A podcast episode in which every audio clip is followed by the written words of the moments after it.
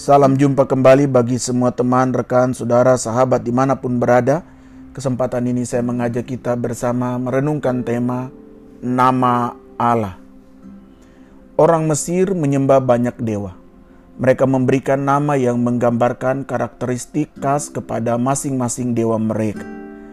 Karena Hagar orang Mesir, adalah wajar kalau ia memberikan sebuah nama kepada Allah yang maha tinggi, yang menampakkan diri kepadanya dan memberinya kekuatan di padang gurun. Kejadian 16 ayat 13. Kemudian Hagar menamakan Tuhan yang telah berfirman kepadanya itu dengan sebutan Engkaulah El Roy. Sebab katanya, bukankah di sini kulihat dia yang telah melihat aku? Beberapa penafsir percaya bahwa orang Israel dipengaruhi oleh agama yang mempunyai tradisi untuk menamai Allah karena periode panjang perbudakan mereka di Mesir. Mungkin ini sebabnya mengapa Musa bertanya kepada Tuhan di semak yang terbakar. Katanya, "Tetapi apabila aku mendapatkan orang Israel dan berkata kepada mereka, Allah nenek moyangmu telah mengutus aku kepadamu, dan mereka bertanya kepadaku, bagaimana tentang namanya? Apa yang harus ku jawab kepada mereka. Keluaran 3 ayat 13. Firman Allah kepada Musa. Aku adalah aku. Lagi firmannya.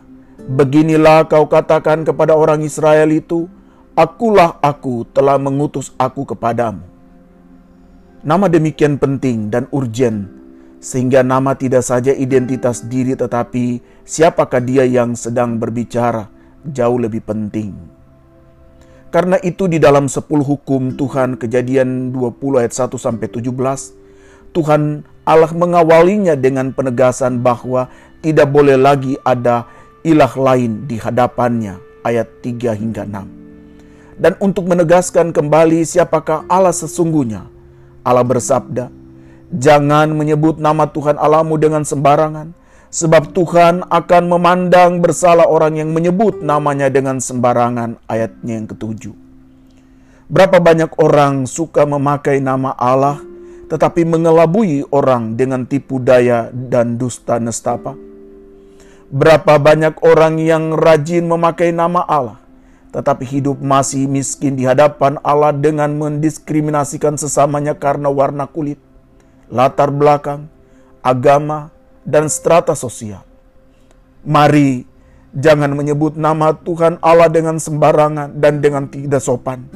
Tuhan melihat kita, Tuhan sedang mengamati kita, dan Dia tahu apa yang kita sedang sebutkan dan katakan tentang Dia dalam hidup kita.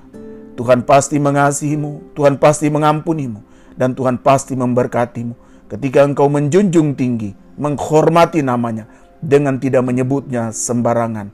Tuhan memberkatimu. Haleluya. Amin.